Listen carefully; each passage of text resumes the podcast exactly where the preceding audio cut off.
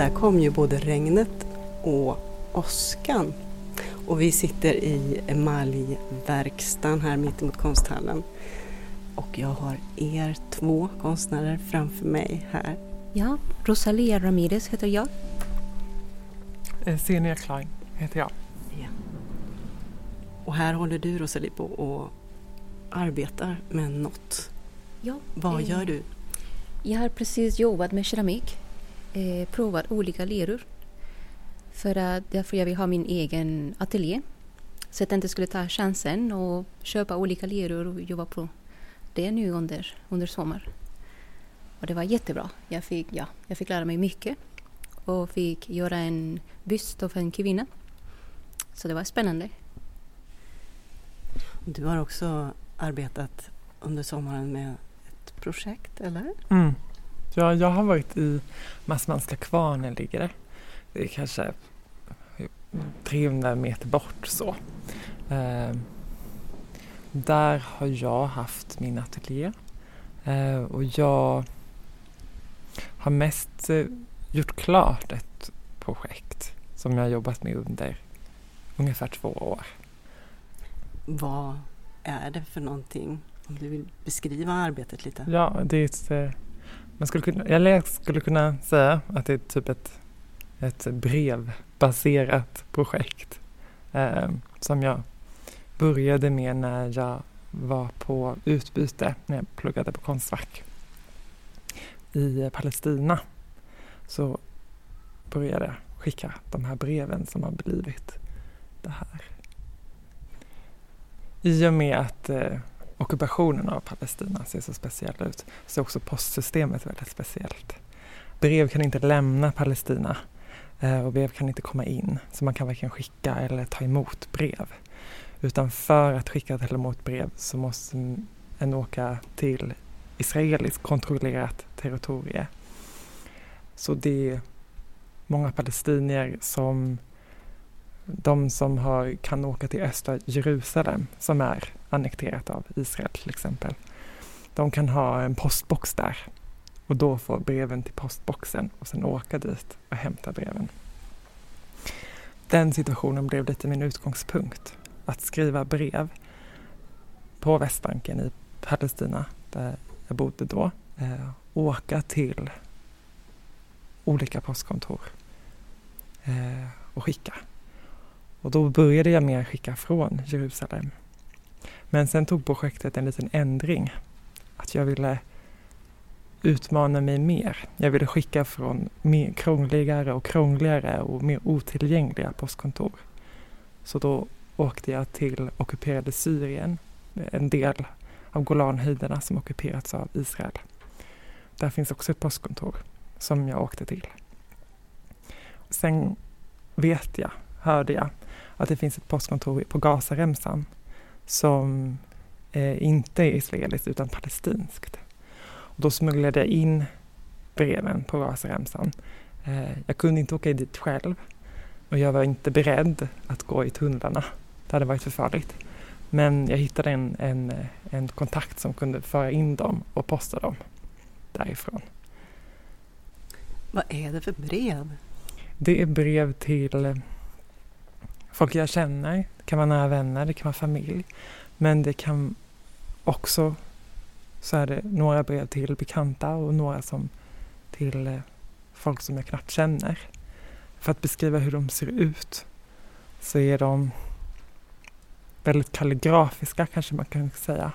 Jag tänker att jag har skrivit dem med en tecknande hand. Så att man kan både se dem som en teckning men också läsa dem. De är skrivna väldigt poetiska så att man kan läsa en sida utan att den riktigt är kopplad till de andra sidorna i brevet. Eh, på något sätt tänkte jag att den handlingen att skicka på det här sättet när jag inte kan ta emot svar blir poetisk.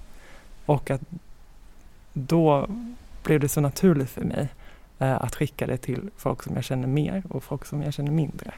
För att se vad, hur tar de, hur tar man emot ett sånt här brev som kanske är det längsta är på 17 sidor i A3, tecknat i bläck. Sen skickat från eh, Syrien eller Jerusalem och man kan inte ta emot ett svar. Och så känner man knappt personen. Hur blir det vackert då eller blir man mer obekväm, tänkte, tänkte jag. Och du Rosalia, du, du nämnde det här med, med leror och att du har gjort den här, arbetar med den här bysten just nu, den här mm. skulpturen. Det är kanske den som finns under, under plasten där borta. Så. Men jag ser också andra figurer här som, ja vad är det för någonting vi ser här? Vi sitter ju i den verkstad där du arbetar och väl har arbetat under sommaren då? Ja, så i början hade jag en idé som jag skulle jobba med. Det var två eh, stora skulpturer, naturskala. Um, så jag undrade om jag skulle hinna med den. Så det är därför jag provade först eh, jobba med material och göra en mindre skulptur som en byst. Och det var en bra idé. Jag skulle hade aldrig hunnit med den skulptur jag ville göra i början. Eh, men eh, det ska jag fortsätta med efter stipendiet. Jag ville kommunicera en idé av någonting jag har sett sedan jag flyttade till Sverige. Hur ibland några barn ser utbildning eller undervisning här. Och hur viktigt eller inte vissa tänker det är. Så jag har, ja, jag har tänkt att jag ska göra, det är två flickor som sitter i en bänk. Och det är en, kan man kalla en två sidor bänk. De sitter som om man tänker sig en parkbänk som har två sitsar på varsin sida av ryggstödet och så sitter de på varsin sida med, nästan med ryggen mot varandra. Precis. Eh, men det är inte en riktigt toabänk. Det är en som är kappad på något sätt. Med en sida av bänken är mindre och är inte så fint. Det är svårare att sätta sig i den för att ytan det har lite textur, liksom trädet är inte förfinat. Den andra sidan är större och bekvämare. Den ska, det ska ha en fin yta att sitta på. Och flickan, det ska bli två flickor, så flickan som sitter i den större och bekvämare sidan. Hon, hon är väldigt liksom, hon sitter skönt och, och lite avslappnad. Och bredvid henne ska vara en bok som var kastad på golvet. Och den flickan som ska sitta i den andra sidan, som är inte så bekväm, och den mindre, hon ska sitta med en bok i hennes, hennes händer. Så hon ska läsa boken. Och det är lite vad jag har sett här i Sverige ibland. Inte alla. Men jag kommer från ett land där jag har sett barn och jag själv, behövde jobba som ett barn för att kunna köpa böcker, för att kunna åka till skola sedan jag var ja, sex år gammal. Så det är så svårt att kunna få tillgång till undervisning och utbilda sig. Så man lär sig hur viktigt det är. Och man trivs med det.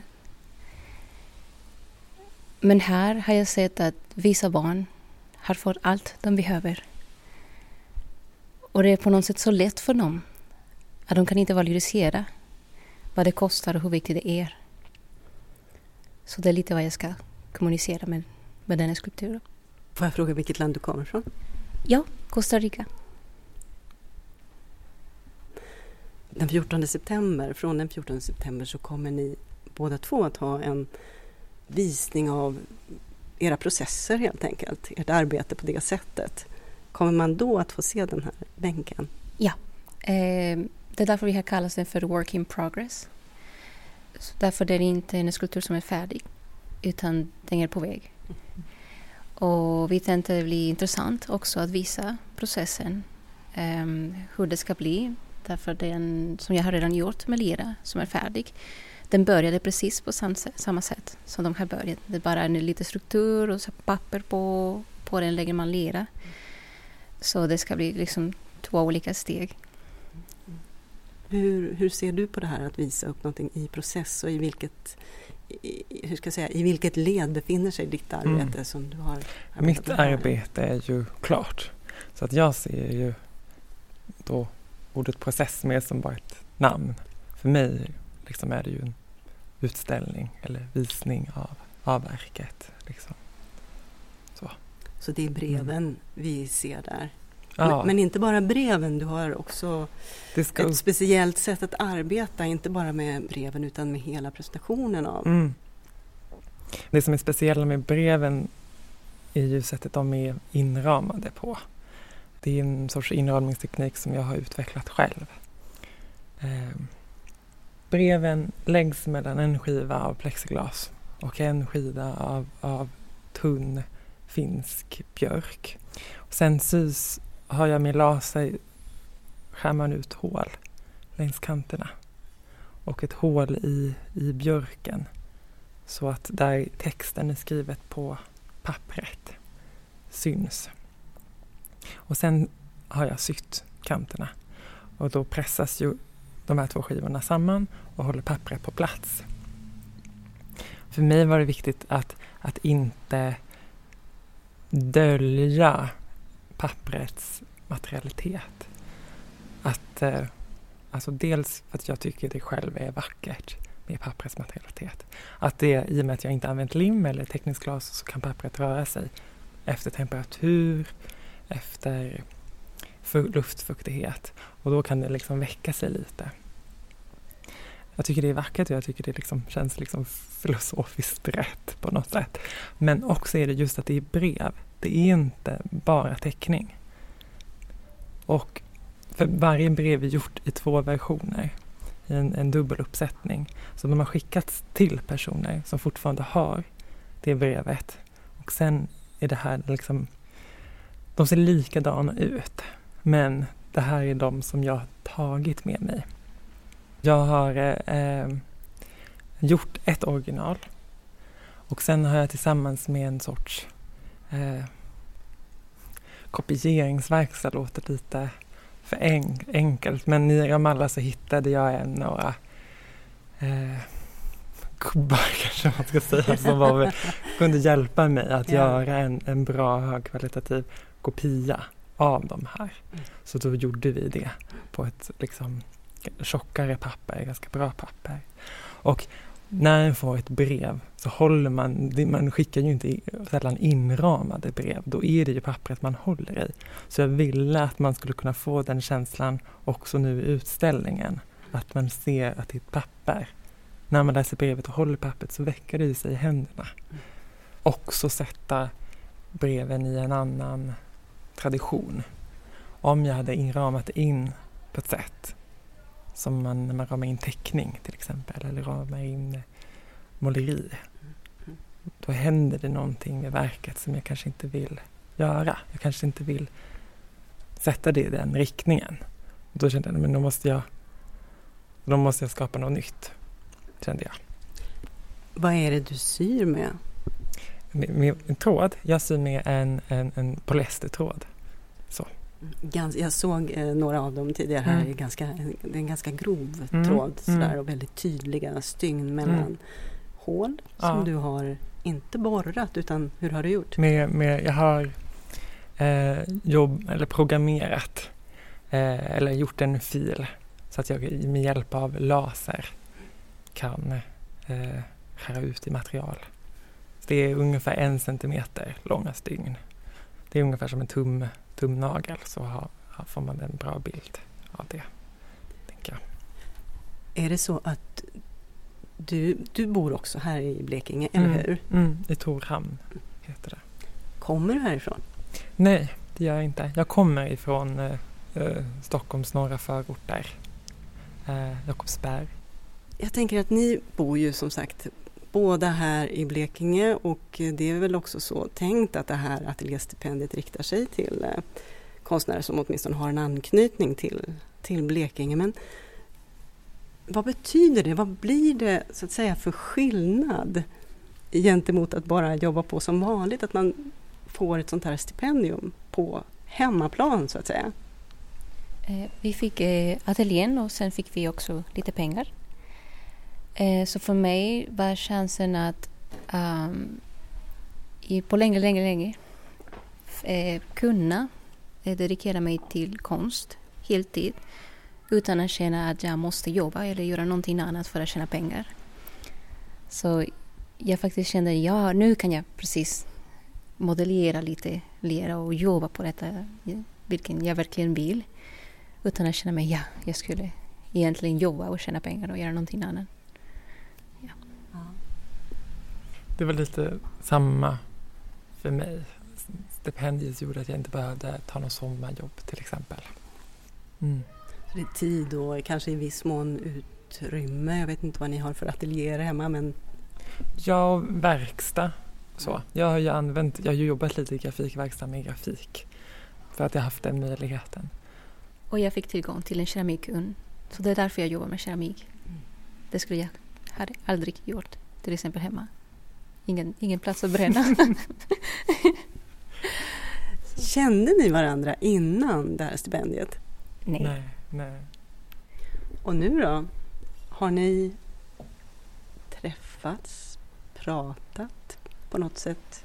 Fått något utbyte av varandra över sommaren här eller har det varit väldigt separat arbete för er? Vi har ju fikat. Ja, det har vi. Och ätit lite lunch. när vi lyckats träffa, ja. bara vi har olika scheman. Så när jag, när jag är här så är hon inte här. Mm. Men när man ser era, eh, det jag har hunnit se av era praktiker så är det ju väldigt olikartade. Ja, men jag var inne en gång här i Malväxten och så såg jag Rosalias de här förpackningarna med lera och det var bara så mycket lera. Du vet de här som man kan typ, de där. Ja, det var, eh, var det lufttorkande lera? Ja, lufttorkande ja. lera. Så om jag skulle hitta en beröringspunkt så är det det här. Eh, om man tar på sig något väldigt stort. Mm. Det är jättemånga säckar lera.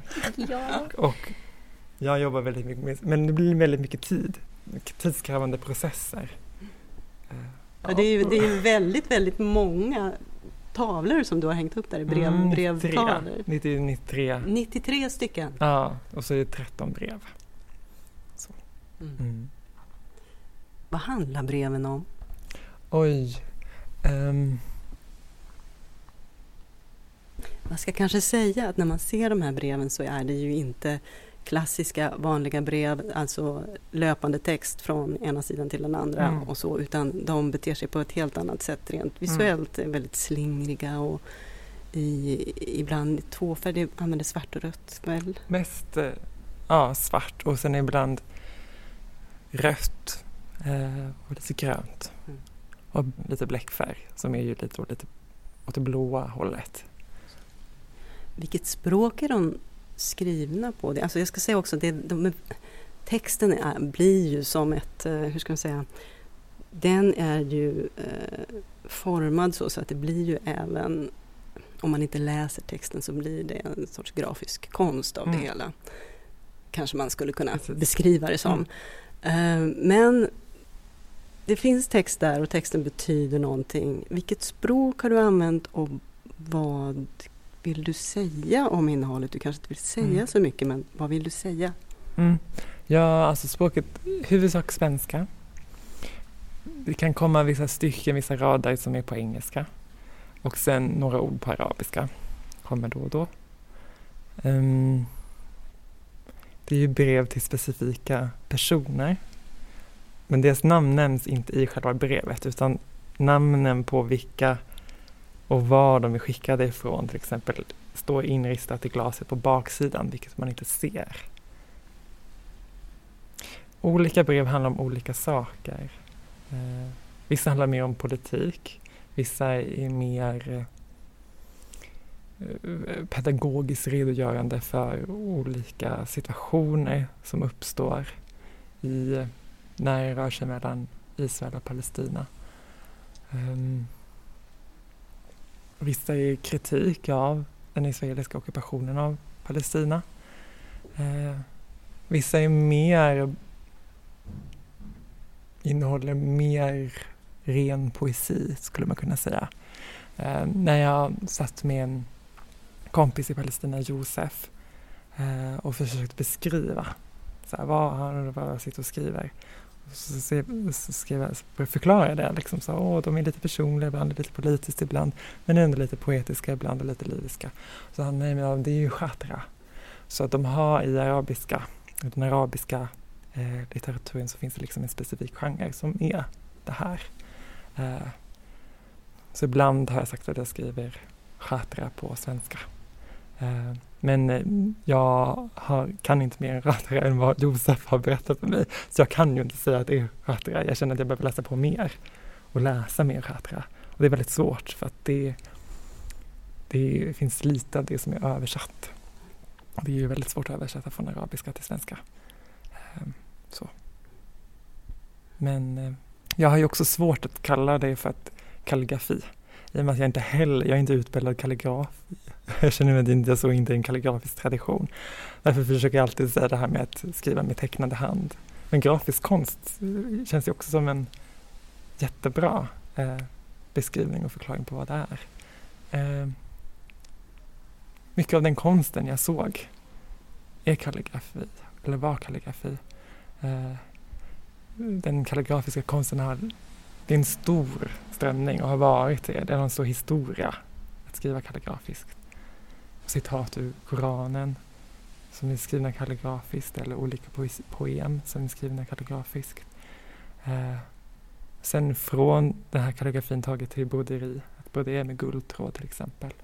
Eh, på, jag tror det är Yasser Arafat-museet som ligger lite utanför Ramallah som är liksom som en större stad på Västbanken, det var där jag bodde, så har de ju en eh, Yasser Arafat fick en gång en gåva från, jag vet inte, det måste väl ha varit kungen av Saudiarabien, då det är en av de här kläderna som brukar täcka Kaaba. Där det är jättevackert broderat i riktig guldtråd. Så vacker kalligrafi. Så jag lade, märke till att, att, jag lade märke till att hörnen på dina, på dina eh, bilder, alltså på mm. inramningarna, de sydda inramningarna är mm. i guldtråd. Just hörnen, ja. är det en hälsning? Jo, det är det ju. Eh, men också är för att jag tycker den här, den här finska björken, i rätt ljus så ser det ut som guld. Och ju längre tiden går så kommer björken bli lite mer guldigare. Du, Rosalia, um, skulle du säga att din praktik har, har ändrats, alltså mera, mera tematiskt sen du bytte land? Ja, det, det kan man säga. Men mest därför jag tycker mycket om att uttrycka någonting som jag har sett i samhället. Det gjorde jag också i Costa Rica innan jag kom. Så arbetet jag gjorde förut handlade om olika problematisk som fanns i samhället i mitt land. Um, så det kommer att hända också här i Sverige säkert. Uh, saker som jag ser, som jag tycker det behövs säga. Um, det kanske inte är ett problem. Det kanske är någonting som jag känner inte många har märkt. Mm. Så det blir viktigt att märka lite mer. Och, så det kommer jag säkert göra. Vad ser du framför dig nu? Nu är den här perioden slut. Vad händer då? Um, nu ska jag precis börja kan jag säga. För att den här perioden kändes som en förberedning av um, mitt arbete. För att sedan jag kom till Sverige fick jag olika jobb ja, för att tjäna lite pengar och så. Men nu känner jag att uh, det är tiden för mig att åka tillbaka till konst och producera keramik och mästerskulptur vilket jag tycker mycket om. Um, så jag hade precis slutat jobba sista maj och jag fick ett stipendium första juni. så det, det passade perfekt. Det kändes så här, ja, jag bestämde mig att börja med konst så fick jag detta så det var en bra signal. Så det, jag köpte en liten stuga, lite gammal och behövde lite jobb så jag har renoverat den. Fick lära mig lite, eh, snickra lite och så. Och nu är det färdigt jag kan, ja, det har värme till och med. så jag ska börja jobba i min lilla stuga, producera lite keramik. Och du ser, har du fått någon typ av impuls eller någon, något, något nytt som har kommit in under den här perioden? Oh, jag har varit så inne i, i de här breven. I och med att jag har hållit på med det sedan början av 2017 så har jag bara liksom sett ljuset i den här tunneln. Så jag bara liksom fokuserat på att bli klar. Men jag ser ju fram emot att ta breven vidare. Eh, under den här presentationen, att ha det i ett bra rum som känns som klär breven. Eh, för det tycker jag det gör. Eh, att kunna dokumentera det för att lättare kunna förklara för folk, så här ser den här verkserien ut. Eh, jag har ju alltid haft en eh, liten dröm om att ställa ut verket på eh, Medelhavsmuseet i Stockholm. För att eh, jag tycker så mycket om deras café.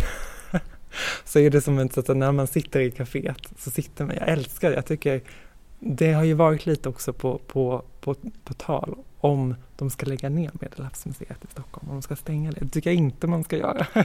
det måste jag bara säga.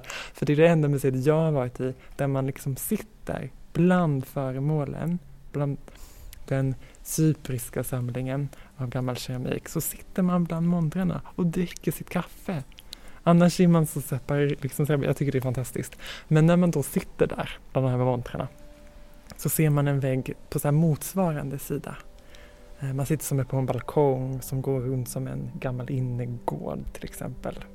Och där på andra sidan är det helt tomt med en vägg. Så där har jag suttit och tittat på den här väggen. Så här, varför hänger de ingenting där? Så här, men då får jag hänga någonting där.